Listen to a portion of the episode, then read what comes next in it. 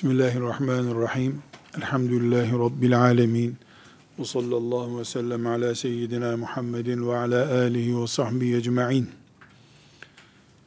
Allahu Teala ümmeti Muhammed'i yani Muhammed sallallahu aleyhi ve sellem'den sonra gelip de onun iman esaslarını kabul ederek onun ümmetinden olmalı, olmakla şereflenen insanlığı kuntum hayra ummetin uhricet linnas insanlık için çıkarılmış en yüksek en hayırlı ümmetsiniz diyor.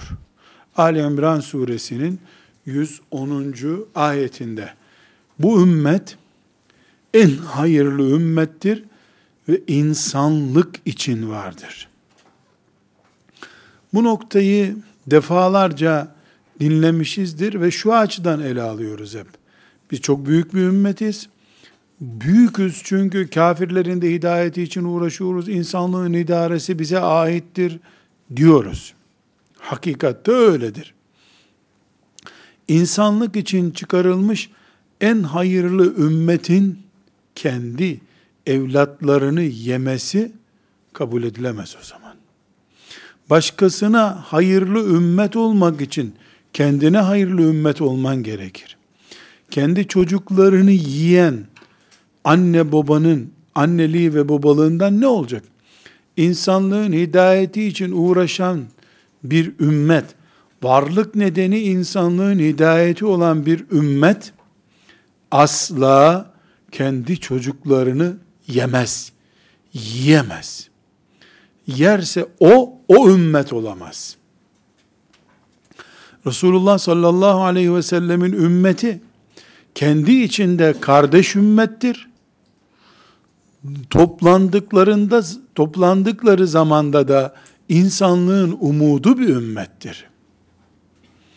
Eğer Müslümanlar kendi içlerinde birbirlerinin imanını ve birbirlerinin insanlığını hedef alan bir hayat yaşarlarsa bu onların umut oldukları bir insanlığın karşı tarafında yani iyilik tarafında da bulunmadıklarını gösterir. Allah muhafaza buyursun böyle bir akıbetten. Bu girişi Ali İmran suresinin 110. ayetini şunun için gündeme getirdik. Bugün ümmeti Muhammed'in kardeşliğini zedeleyen ve mümin kardeşler olarak yaşamamızı engelleyen en büyük sorunlardan birisi Müslümanın Müslümanı tekfir etmesidir. Tekfir etmek onun kafir olduğunu söylemek demektir. Müslüman Müslümanı tekfir ettiği zaman yani A Müslüman B Müslüman için o kafirdir deyip isim vererek, adres göstererek tekfir ettiği zaman bu Müslümanların birbirlerini yemeleri demektir. Bu birbirlerini yeme önce iman olarak yeryüzünde ümmeti Muhammed'in toplu olarak görüntüsünü parçalamaktır iman açısından. Bu parçalamanın peşinden de çok geçmeden tekfir ettiği yani kafirdir dediği insana silah doğrultmayı da mubah hale getirmek demektir. Dolayısıyla tekfir hem iman dünyamızı parçalıyor hem insani ilişkilerimizi ölümcül tehlikelerle karşılaştırıyordur. Tekfir dinimizin kuralları açısından bir vakıadır. Yani tekfiri yok kabul edemeyiz. Yani bir grup insanın kafir olma ihtimali vardır. Allah dinine giren herkesin ne yaparsa yapsın o dinde kalacağını belgelememiştir. Yani böyle bir şey buyurmamıştır bize. Yani bir kere kelime-i tevhid getiren bir insan bir daha dinden çıkmaz. Böyle bir şey yok ki. Girdiği gibi de herkes çıkabilir. Ama bu yani tekfir imkanının varlığı bir grup insanın veya şahsın İslamiyette iken İslamiyetten çıkabilme ihtimali bireylerin birbirleri hakkında kullanabilecekleri bir kanaat değildir. İslam devletinin şeriat mahkemesinin kararlaştırması sonucu bir insanın düşünce ve eylemlerinin, sözlerinin, beyanlarının kafir olup olmayacağını söylettirebilir.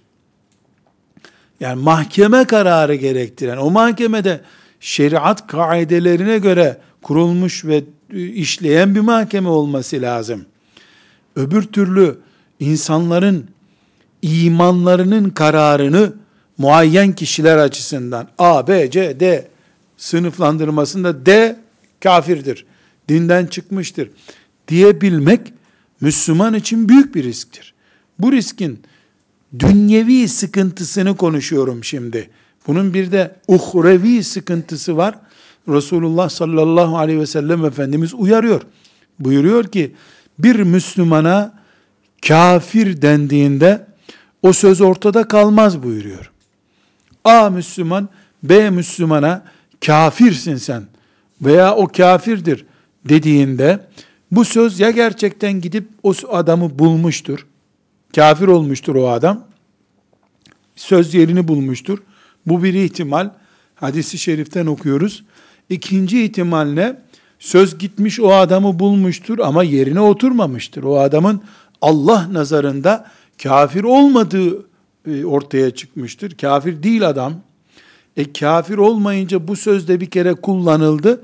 Ne diyor sallallahu aleyhi ve sellem Efendimiz? Sözü kullanana geri döner bu söz diyor. Müslümanlar birbirlerine kafir diye hitap ettiklerinde, tekfir ettiklerini, tekfir etmek kafir olduğunu söylemek.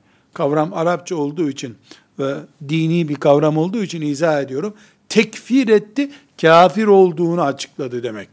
Tekfir ettiği zaman Müslümanlar birbirlerini ya öldürecekler ya ölecekler şeklinde bir sonuç ortaya çıkar. Bu uhrevi açıdan tehlikeli. Müslümanların birbirlerinin imanını tartışma konusu yapması elbette dünyevi açıdan da ele alındığında vahim bir sonuç ortaya çıkıyor. Ee, ümmet insanlık için çıkarılmış, insanlığa yardım etmeye giderken kendisi trafik kazası geçiren ambulans konumuna düşüyor bu sefer. Birbiriyle boğuştuğu zaman biz e, Müslümanlar olarak birbirlerimizin imanı hakkında kanaat kullanamayız. Bu bir şeriat mahkemesinin kararıyla ancak olabilir. Fakat tekfir edilmek prensip olarak nelerin üzerinden dönüyor? Allah'ı inkar etmek, melekleri inkar etmek, ahireti inkar etmek, namazı inkar etmek, alkolün, faizin, zinanın haram olduğunu kabul etmemek. Bunlar tekfir edilmeyi gerektiren şeylerdir. Ya bir insan ben Müslümanım, Müslüman değilim diyecek. Maazallah. Bitti onun kafir olduğunu kendisi söylüyor. Başkasının bir kararına ihtiyacı yok zaten. Ya da e, onun eylemlerinin kafirlik olduğunu bir şeriat mahkemesi belirleyecek.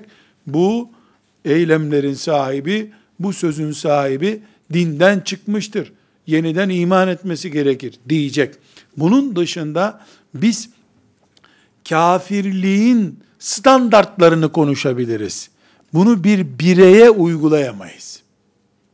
Ne deriz? Faizin Allah'ın yasağı olduğunu kabul etmeyen dinden çıkar deriz. O kime uyarlanıyorsa kendini bulur artık. Caminin kapısında durup güvenlik görevlilerinin silah araması yaptığı gibi camiye girenlerden iman testi yapamayız. Mümin misin, kafir misin? O adam 40 kere dinden çıkacak iş yapmış olsa bile camiye gelip namaz kılması yeniden iman ettiğini gösteriyor en az. O anlık bir iman. Camiden çıkar tekrar kafir olabilir. Ama camiye giriş bir iman statüsüdür. İmanlı adam olmanın göstergesidir. Burada özellikle vurgulayarak ve altını çizerek söylediğim şey var. Tekfir etmek tehlikelidir. Bunu literatürden kaldıralım diyemez kimse. Dinden çıkmak diye bir realite var. İnsanların Allah'a baş kaldırarak, Peygamber aleyhisselama hakaret ederek dinden çıkmaları mümkündür. Eylem olarak bu eylemin kafirlik olduğunu, dinden çıkmak olduğunu, belki cezasının çok ağır cezalar olabileceğini konuşuruz.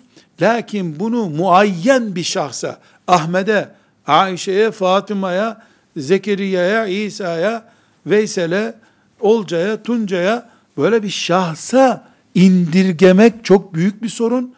Müslümanlar kendi okudukları ilmihal bilgileriyle veya okudukları birkaç heyecanlı kitaba göre ellerine kalem alıp kafirlerin listesidir diye mahkeme kararı gibi kararlar deklare edemezler.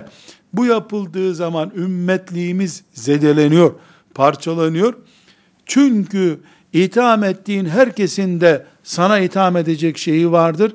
Eğer birbirimizin imanını boğazlarsak, boğazladığın iman sayısı kadar seni de boğazlayacaklar demektir. Yani sen silah doğrulturken karşındaki teslim olmuyor. O da silah doğrultuyor. Sen onun imanını yok kabul ediyorsun. O da senin imanını yok kabul ediyor. Tekrar vurguluyorum. Gelsin gelen gelsin kahvesini içsin, nargilesini içsin. İslam kahvesi diye bir kahve çeşidimiz yok bizim. Elbette mümin var, kafir var. Mümin olduğu halde dinden çıkan var.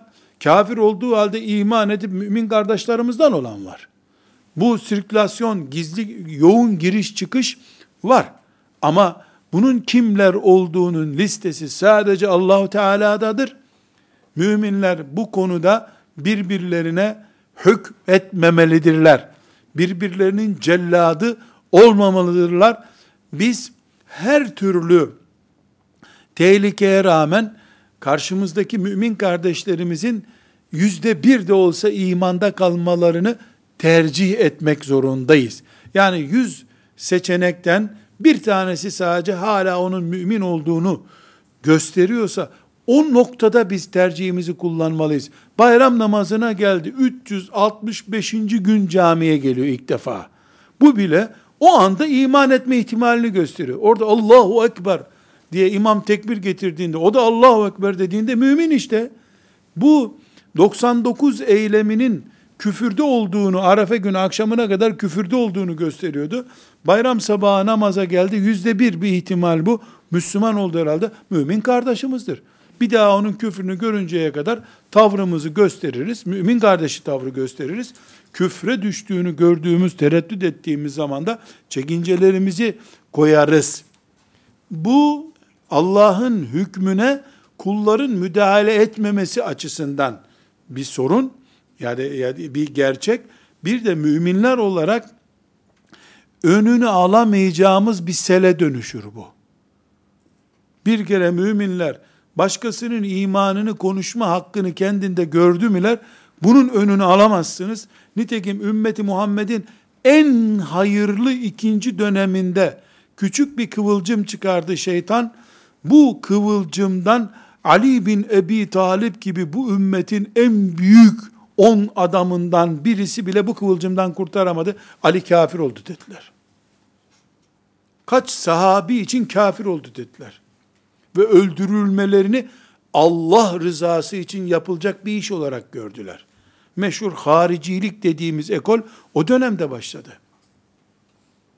Yani bu sel bir kere dağın başında yuvarlanmaya başladı mı, dere sel gibi aktı mı, onun önüne şehir dayanmıyor bir daha. Ta gidip okyanusu buluyor, her şeyi çer çöp haline getiriyor. Ondan sonra düzeltsen de düzelecek bir şey kalmıyor ortada. Bu sebeple bu asırda ve önceki asırlarda ümmetimizin başına gelmiş en büyük felaketlerden birisi Müslümanın Müslümanlığı ile oynama cüretinin ortaya çıkmasıdır. Tekrar ediyorum. Bir, Bu bir vakadır. Böyle bir olay var. Yani insanlar dinden çıkabilirler. Faizin helal olduğunu söyleyen adam dinden çıkmayacaktı. Ebu Cehil de mi çıkacak tek başına? Kim? Elbette çıkacak. Faiz helaldir diyen dinden çıkar. Zina helaldir diyen dinden çıkar. Katliamı serbest gören dinden çıkar. Bu bunda şaşıracak bir şey yok. Ama bu kararı cami imamı filanca müftü vermez. Bir mahkeme kararıyla, bir soruşturulma ve büyük bir muhasebeden sonra verilir. Ne demek istedin, niye dedin, tövbe ettin mi bunların hepsi sorgulanır. Sorgulandıktan sonra bu karar verilebilir. Çünkü kaybedeceğimiz hem kendi imanımız var, Allah muhafaza buyursun, bizim imanımız da tehlikeye düşer. E, iki, mümin kardeşliğimiz parçalanıyor. Kitlesel hareket yapma yeteneğimiz gidiyor. Onun içinde kafirler var. Bunun başı kafir, bunun dibi kafir derken bir şey kalmıyor. Nasrettin Hoca'nın kuşuna dönüyor bu sefer. Peki bu tekfir etme, Müslümanların birbirlerinin imanlarını yok kabul etme hastalığı nereden kaynaklanıyor? Şüphesiz şeytan böyle bir projeyi ulu orta ortaya atmıyor. Hesabı kitabını çok iyi yapıyor iblis mel'un. Çok iyi hesap kitap yapar mel'un. Ne yapıyor hesap olarak mesela? Allah'ın haramları hakkında getirdiği yani faizinden, zinasından, kumarından, hırsızlığından, anaya babaya asi olmaktan vesaire e, iman esaslarına dair konularda şeriatımızın getirdiği ölçüler var. Bir insan günah işlemekle kafir olmaz. Hangi tür günah işlerse işlesin. Böyle bir kaidesi var dinimizin. Yani ne olur? Fasık olur. Fasık kimdir? Allah'ın büyük haramlarını, haram kıldığı şeyleri keyfine göre yapan adam demektir. Bu adam inkar etmedikçe kafir değildir. İnkar ettiği an kafir olacak. İnkar ne demek? Kabul etmiyorum İslamiyet'in bu görüntüsünü diyecek. Bir bu açıdan insanlara kafir denebiliyor. Yani aslında fasık denecek. Fasık demeyi tatmin olmuyor derken. Yani zehirini kusamamış oluyor o zaman. Fasık oğlu fasık diye hakaret etse, e, hadi git işine denecek. Bu hazzını alamayacak, doymuyor. Kafir deyince, oh bir rahatlıyor. Çay içmiş gibi oluyor. Yazın dondurma yemiş gibi hissediyor. Kafir dedi ona. Dışladı, rahatladı oluyor. Bu belki de psikolojik, şizofrenik bir takdim veya tatmin hastalığıdır. Nauzu billah. Her halükarda bu açıdan bunu tehlikeli. İki, fikri ihtilafları küfür noktasına taşımak diye de bir tehlike var. Yani ashab-ı kiramın konuşmadığı konular var.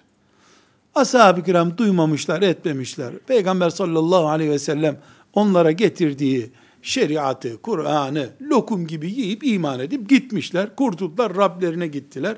Onlardan asırlar sonra, ashab-ı kiramdan yani asırlar sonra ortaya çıkan Müslümanlar e, Yunan felsefesinin, Hinduizmin getirdiği bir sürü sıkıntıları din ortamlarında konuşmaya başladılar. Bu sefer onları konuşanlara mesela bunun en canlı örneğini örnek için sadece söylüyorum. İbn Sina, Farabi gibi ümmeti Muhammed'in içinden yetişmiş, felsefeden de etkilenmiş bilim adamları var. Bunlar bilim adamları. Şimdi bunlar e, yani Kur'an bilen insanlardılar. İman esaslarını biliyorlardı ama düşünce tarzlarına etki eden felsefe ile beraber rahat konuştular. Konuşurken rahat konuştular. Bu rahat konuşmaları bir bilim adamına tanınabilecek esneklikte de alınabilir. Pek çok Müslüman öyle aldı. Başka bir Müslüman grup da ashab-ı kiramın ağzından çıkmayan bu sözleri kullanan Farabi de İbn Sina'da cehennemliktir deyip vurup attılar.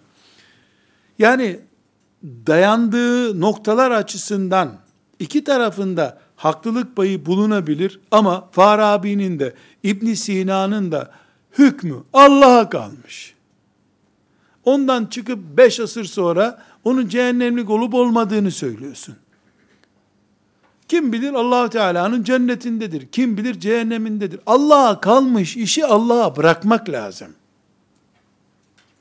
Şimdi yaşayan birisi bu noktada böyle bir açılım yapıyorsa o muhasebeye getirilir. Bununla ne kastediyorsun denir. İbn Sina'ya verecek cevabın yok. Dinlemiyor seni. Mezarda duyacağı yok bunları. Duysa da cevap vereceği yok zaten. Asırlar geçmiş cesedinin üzerinden. Kim bilir kaç devlet kuruldu onun mezarının başında. Müslüman olarak biz ihtilaflı konularımız açıkça Allahu Teala'nın haşa maazallah oğlu vardır derse birisi onu da konuşacak halimiz yok ya. O zaten ben kafirim diyor. Onu konuşmuyoruz. Ama su götürür tartışmalar var. Aslında bunlar Ömer bin Hattab radıyallahu anh'ın sağlığında konuşulsaydı sen görürdün tartışma nasıl yapılıyormuş. Yani dilinden adamı gökyüzüne asardı herhalde. Ama öyle bir zamanda yaşanılıyor ki Müslüman da e, bu konuda zihni karışıyor. Acabalar oluşuyor. Bu hükümleri Allah'a bırakmak lazım. Ama mesela İbn Sina, Farabi onları tartışmıyorum şu anda. Neyi konuşuyorum? Onlar bilinen ve bu konuda en çarpıcı örnekler oldukları için, üzerlerinde bu tür tartışmalar yapıldığı için söylüyorum. Bu konuda e, Farabi'nin hükmü budur, e, ibn Sina'nın hükmü budur denmesin istiyorum zaten şimdi. Onun için e, böyle konuşuyoruz. Şimdi Farabi'nin ve ibn Sina'nın ve benzerlerinin bir defa Müslümanların arasından çıkmış, La ilahe illallah Muhammedur Resulullah diyen adamlar olduğunda kimsenin şüphesi yok. Söylediği sözler, kitaplarına yazdığı konular, işte mesela dirilme konusu, kıyamet konusu gibi konularda ileri geri konuşmuşlar. Aynı şeylerin bir bölümünü Muhittin İbn Arabi 40 beter şekliyle söyledi. Yani Farabi'nin, İbn Sina'nın dediğinin 40 kat daha ağırlaştırılmışını söyledi. Hikmete binaen oldu o. Gerçi İbn Arabi de kızıl kıyamet kafir diyen çıktı öbür taraftan. Ümmetin içinden çıkmış, söylenmiş. Bunların sözleri ayet hadis gibi alındığı zaman da çirkin bir şey çıkar ortaya. Bunları cehennem kütüğü olarak cehennemin en dip kısmına atmakla da ortaya yanlış bir tablo çıkıyor. Bunları Allah'a bırakmak lazımdı. Bırakmak lazım. Bu en üste verdiğim örnek. Bir de düşün ki e, caminin önünde oturmuş üç tane genç İmam Hatip mezunu veya yeni okuyorlar İmam Hatip'te e, bir ihtilaflı konuda birbirlerine kafası koparılacak adamsın senin cennette yerin yok diye birbirlerini cennetten kovuyorlar. Bu ümmeti Muhammed'in bile bile bindiği dalı kesmesinden başka bir şey değildir. Bindiği dalı kesiyor ümmeti Muhammed. Gençliği Müslümanları cehenneme sürüklemekle geçmiş birisinin ümmeti Muhammed'in geleceğinde ne katkısı olacak? Biz aleni bir şekilde Allah'a küfür, maazallah, Peygamber aleyhisselama hakaret, şeriatımızı kökten reddetme gibi veya aleni bir hükmünü Allah'ın kabul etmeme gibi bir hatayı elbette konuşmayız bile. Bitti, selamımız, kelamımız bitti bizim. Ama ondan sonra ne kalır? Ona iman tebliği kalır. Emri bil maruf kalır. Son defa seni uyarıyoruz ümmet olarak denir. O da müdafaa ederse kendisi, müdafası dinlenir. Belki yanlış anladı, düzelir, düzeltilir. Değilse e, bu dünyada kafirler de yaşayacak canım. Kafirler de yaşayacak, müminler de yaşayacak deriz. İhtilaf, ümmeti Muhammed'in ihtilaf etmesi hayatın tabiiliğinden kaynaklanıyor. Hayat ihtilafı gerektiriyor. Tek düzeneği yok bu hayatın. Soğuğu var, kışı var, dağı var, düzlüğü var, buzu var, suyu var, beyazı var, karası var. Hayatın içinde yaşanan bir dine iman etmişler de bu farklılıkları iç bünyelerinde bulundurabilirler. Bunu kabul etmemiz gerekiyor. Ümmeti Muhammed'in en büyükleri olan ashab-ı kiram bile aralarında tartıştılar. İhtilaf ettiler. Ne yapıyorsun diye birbirlerine bağırdılar. Ama birbirlerinin imanıyla hiç oynamadılar. Hiç. Asla birbirlerinin imanıyla oynamadılar. Ali radıyallahu anh'a kılıç kaldıran, Muaviye radıyallahu anh'ın askerleri öldüğü zaman, Ali radıyallahu anh şunların cenazelerini kaldırsınlar diye talimat verdi. Yanındakiler de bunlar bizi öldürmüştü, öldürmek istiyordu biraz önce. Deyince, yani bu adamlar bizi öldürecekti, şimdi bizim cesedimiz burada duracaktı, biz öldürdük. Niye onlara yardım ediyoruz ki deyince söylediği cümle ümmeti Muhammed'in not defterlerinde yazılması gereken bir şeydir. Hum ihvanuna fid dini kad begav aleyna. Onlar bize saldırmış din kardeşlerimizdirler diyor. İşte Ali ile diğerlerinin farkı radıyallahu anh. Mümin kalitesi bu. Onlar bize saldırmış din kardeşlerimizdir diyor. Şimdi ise kardeşim, kooperatif kongresinde oy vermeyecek olsan seni dinden atıyorlar. Niye bize oy vermedin diye. Bu seviyesizlik, bu ümmetin çocuklarının seviyesi değildir. Hum ihvanuna fid din kad begav aleyna. Onlar bize saldırmış din kardeşlerimizdirler. Bu kadar. Ashab-ı kiramda ihtilaf. Ali ile radıyallahu an anamız Fatıma radıyallahu anha kavga ettiler. Nikahlarını da Resulullah sallallahu aleyhi ve sellem kıymıştı. Aleyhissalatü vesselam Efendimiz kızının evine gitti. Nerede damat dedi. Herhalde dışarılarda bir yerde diye te, Efendimiz sallallahu aleyhi ve selleme adını bile söylemedi Ali'nin. Küs ayrılmışlar meğer ki. Efendimiz mescide geldi. Baktı ki Ali yüzüstü yatmış mescitte toprağın üstünde uyuyor. Dürttü onu. Kalk topraklı adam kalk kalk diye dürttü. Damadının gönlünü yaptı. Ya bu aile yuvası. Peygamber sallallahu aleyhi ve sellemin nikahıyla oluşmuş bir aile bu. Allah bilir Allah bilir cennette devamı o gün kararlaştırılmış muazzam bir aile. Ümmetin iki büyük adamı, biri cennet anası, biri cennet delikanlısı. Ama aile bu. Sahabi. Ne dersen de kavga var. Ama bu iman sebebi değil. Vay bana karşı gelen kafirler güruhu diye birbirlerine hitap etmediler. Çünkü kavga tabii, dinden atmak tabii bir durum değildir.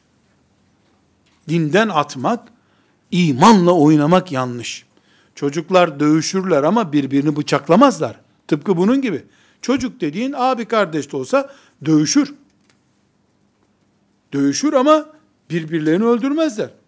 Birbirini öldüreni de zincirle bağlarlar herhalde. Ümmeti Muhammed bu hayatın içerisinde elbette farklı noktalarda birbirleriyle çelişecekler. Karşı karşıya gelecekler. İmanlarını ve canlarını asla karşı karşıya getirmeyecekler ama. İman ve canımız karşı karşıya gelmeyecek. Çünkü kıyametin çok ağır bir tablosudur bu. Neuzu billah. Efendimiz sallallahu aleyhi ve sellem ne buyuruyor? Kanla Allah'a gidenin vay haline. Kan dışında ne ile giderseniz gidin bir çaresi olur kıyamet günü. Kan ne demek? Yani insan öldürüp ahirete gitmeyin. Tekfir etmek, ya sen kafirsin diye muhatap almak insanı ölümüne izin vermektir. Burada e, İmam Gazali rahmetullahi aleyhten bir nakil yapmak istiyorum. Gazali enteresan bir nakil yapıyor. Diyor ki, ben böyle genel olarak e, nakledeyim. İnsanların dindarlıkları konusunda insanlara ait din kararını konuşurken bu tip işleri yapanlar ciddi haz alırlar diyor. Şeytan onu öyle dolduruşa getirir ki bir Müslümanın iman hayatını sona erdirirken Allah için yapılmış en büyük işi yaptığını düşürür, düşünür ve öyle yaparlar bunu. Halbuki onlar o anda şeytanın kulu kölesi olarak o işi yapıyorlar diyor. Çünkü Allah mümin kullarının azalmasından razı olmuyor ki. Yeryüzünde zaten sayılı müminler ve bunların sen bir kişi daha azalmasını sağlamış oluyorsun aklınca ve bundan da Allah'ın rızasını umuyorsun. diyor İmam Gazali rahmetullahi aleyh. Arkadaşlar büyük günah işleyenler kafir olmazlar inkar etmiyorlarsa. İnkar ediyorlarsa kafir olur. Buna da mahkeme kararı gerekir. Dolayısıyla biz insanların zahiri durumuna göre karar veririz. Ne demek zahiri durum? Yani Müslüman görünüyorsa kimsenin kalbini okuma hakkımız yoktur. Bu hainin Müslümanım dediğine bakma bu Yahudidir diyemezsin kimse için. Denemez. Çünkü kalp Allah'a aittir. Efendimiz sallallahu aleyhi ve sellem ne buyuruyor? Biz dışa göre karar veriyoruz. Vallahu yetevelles serair. İç sırları Allah biliyor. Biz bilmiyoruz diyor. Sallallahu aleyhi ve sellem Efendimiz. Aynı şekilde Müslüman bir şahsı özellikle göstererek Müslüman şahsın kafir mesela A şahsının kafir olduğunu söylememiz yanlıştır. Bunun için dediğim gibi mahkeme karar ya da mahkemenin yerine cari bir karar mesela mahkeme olmaz ama yüzlerce alimin toplandığı e, ve isimleri üzerinde ittifak edilmiş şahsiyet alimlerin verdiği bir karar olur. Öyle konumu da olabilir. Müslümanların yani bir şeriat mahkemesi olmadığı bir zamanda alimlerden oluşan bir kurul buna karar verebilir. Yani ilim talebelerini demiyorum ama. Bizim adımız olsa olsa ilim talebesi olur. Böyle şeylerde bizim kararımız olmaz. Alim, allame insanlar oturup bu kararı verebilirler.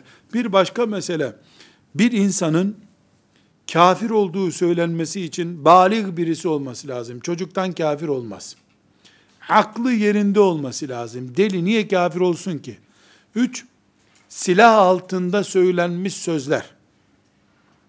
Asla kafir yapmaz insanı. Ayetle sabit.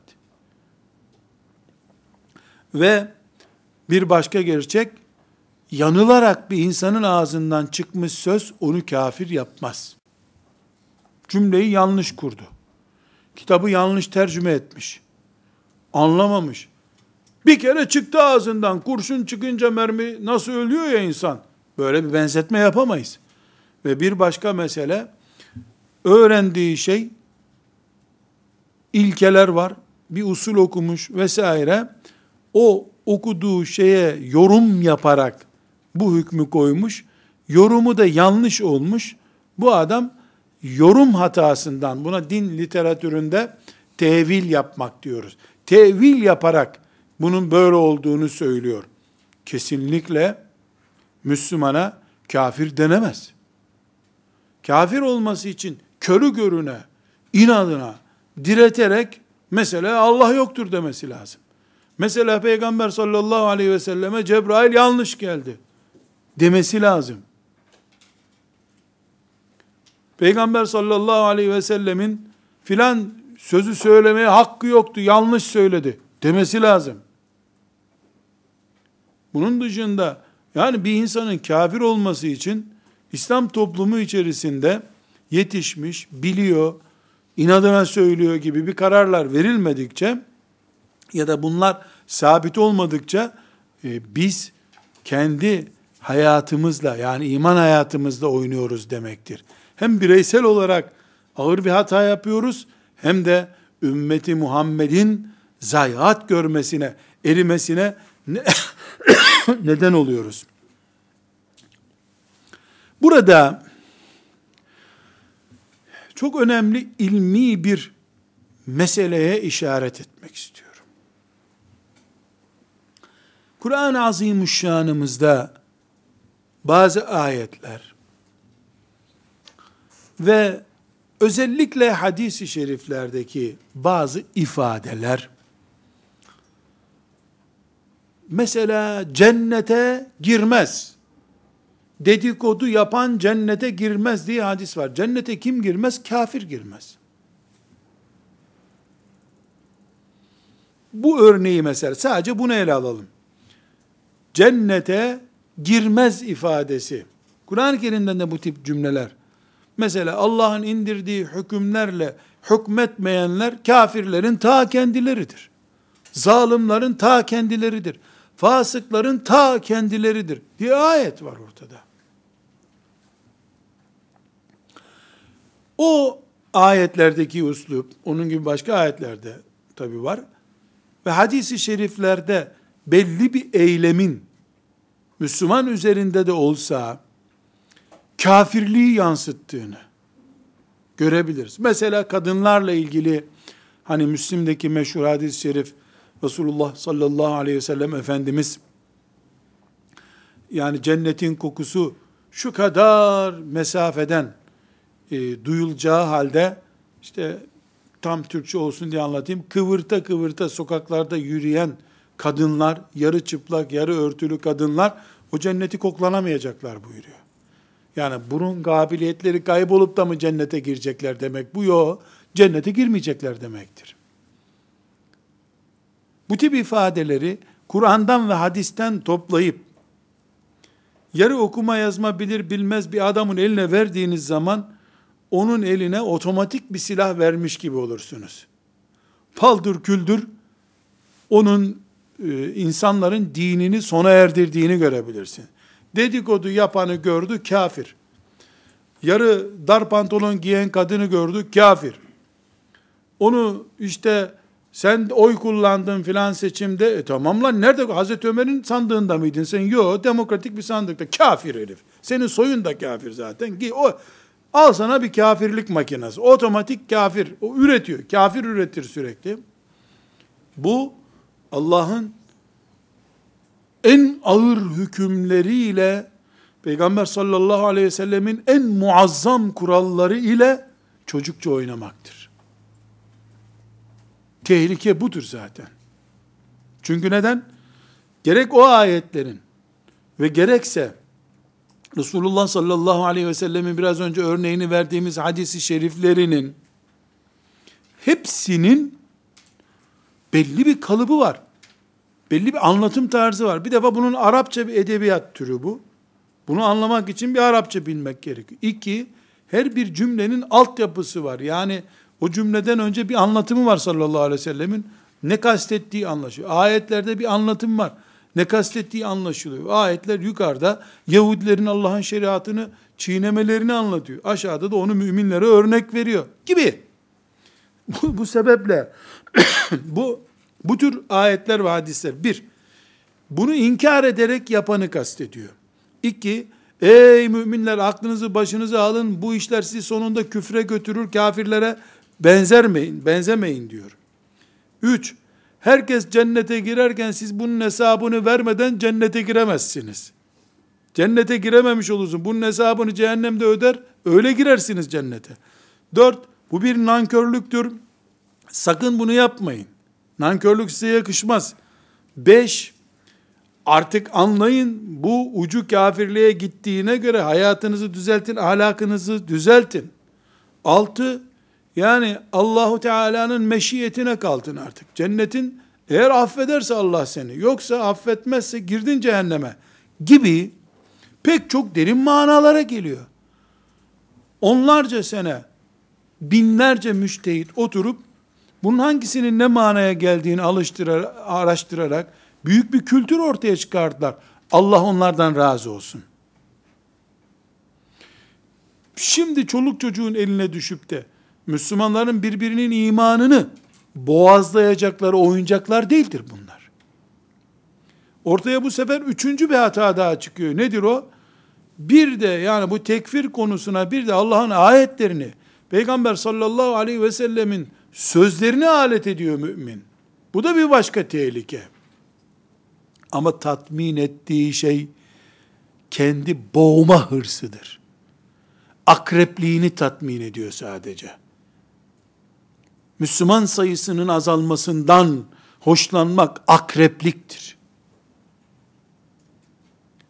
Buna razı olması Müslümanın hatadır zaten.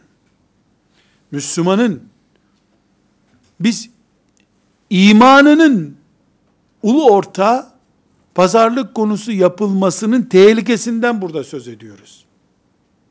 Halbuki Resulullah sallallahu aleyhi ve sellem Müslümanın imanı değil, şahsiyetinin incitilmesini takdim ederken bize, Ebu Davud'un rivayet ettiği bir hadis-i şerifte, ribanın yani faizin en ağırı, faizden daha faiz demek bu. Faizden daha faiz şey, çünkü faiz Müslümanın gözünde en ağır günah ya. Yani say çirkin günahları deyince Allah'a şirk koşmak, insan öldürmek, zina yapmak, faiz yemek diye sayıyoruz böyle. Faiz çok ağır bir şey. İnne erba er riba, inne min erber riba. Faizden daha faizi Müslümanın onurunu ve şerefini parçalamaktır diyor sallallahu aleyhi ve sellem Efendimiz. Buna neyi örnek veriyorum? Müslümanın imanını parçalamayı bırak bir, bir kenara. Müslümanın şerefiyle oynuyorsun. Min erber riba. Faizden daha faiz bir şey diyor sallallahu aleyhi ve sellem Efendimiz. Müslümanın imanını parçalayana ne diyordur acaba? İman parçalamak diye bir şey yapılıyor. Burada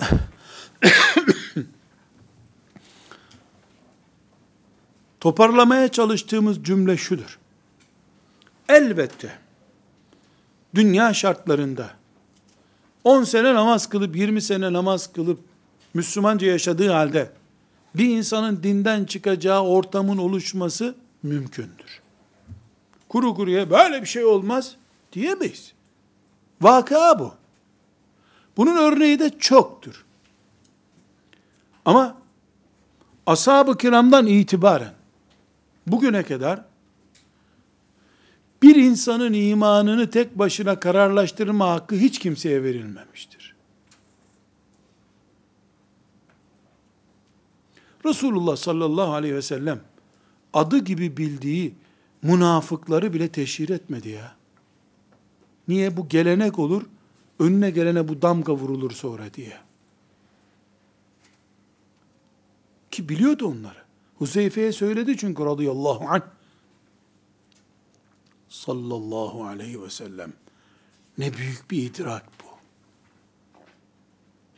Önüne gelene münafık oğlu münafık. Aba ecdadın senin münafık deyip geçecekti herkes o zaman. Gizli tuttu bu isimleri.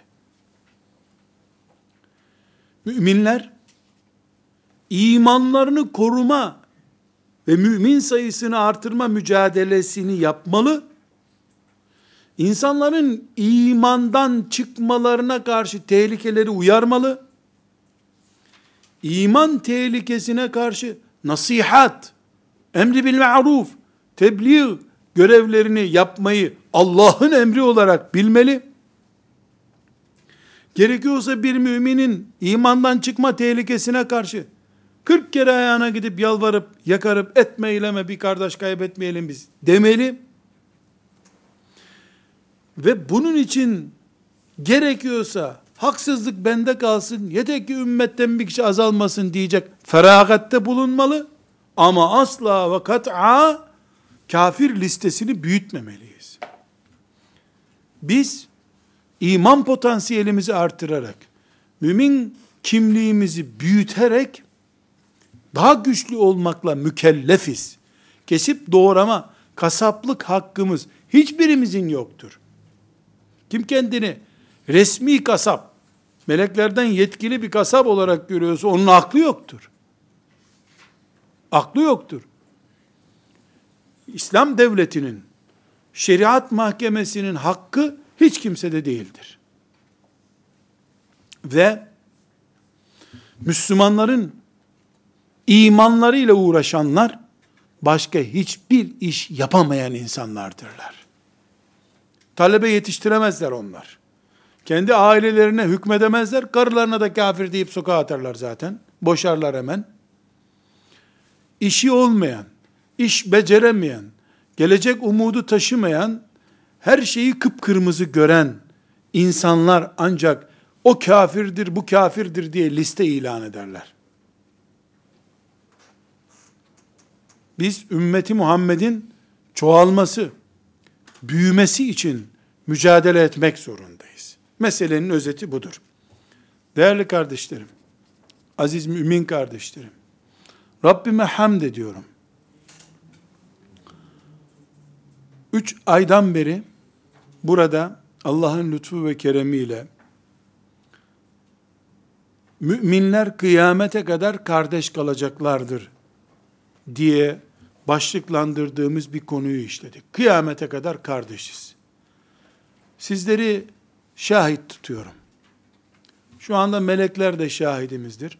Bu konuştuklarımızda maddi ve manevi şahitlerimizdir. Bütün müminleri kardeş bilmeyi Allah'ın emri olarak kabul ettik. Eziyetsiz kardeşlik olmayacağını hayattan öğrendik. Allah'ın hatırı için, onu sevdiğimiz uğruna bize yapılan her şeyi affedebileceğimizi Müslümanlığımızın gereği gördük.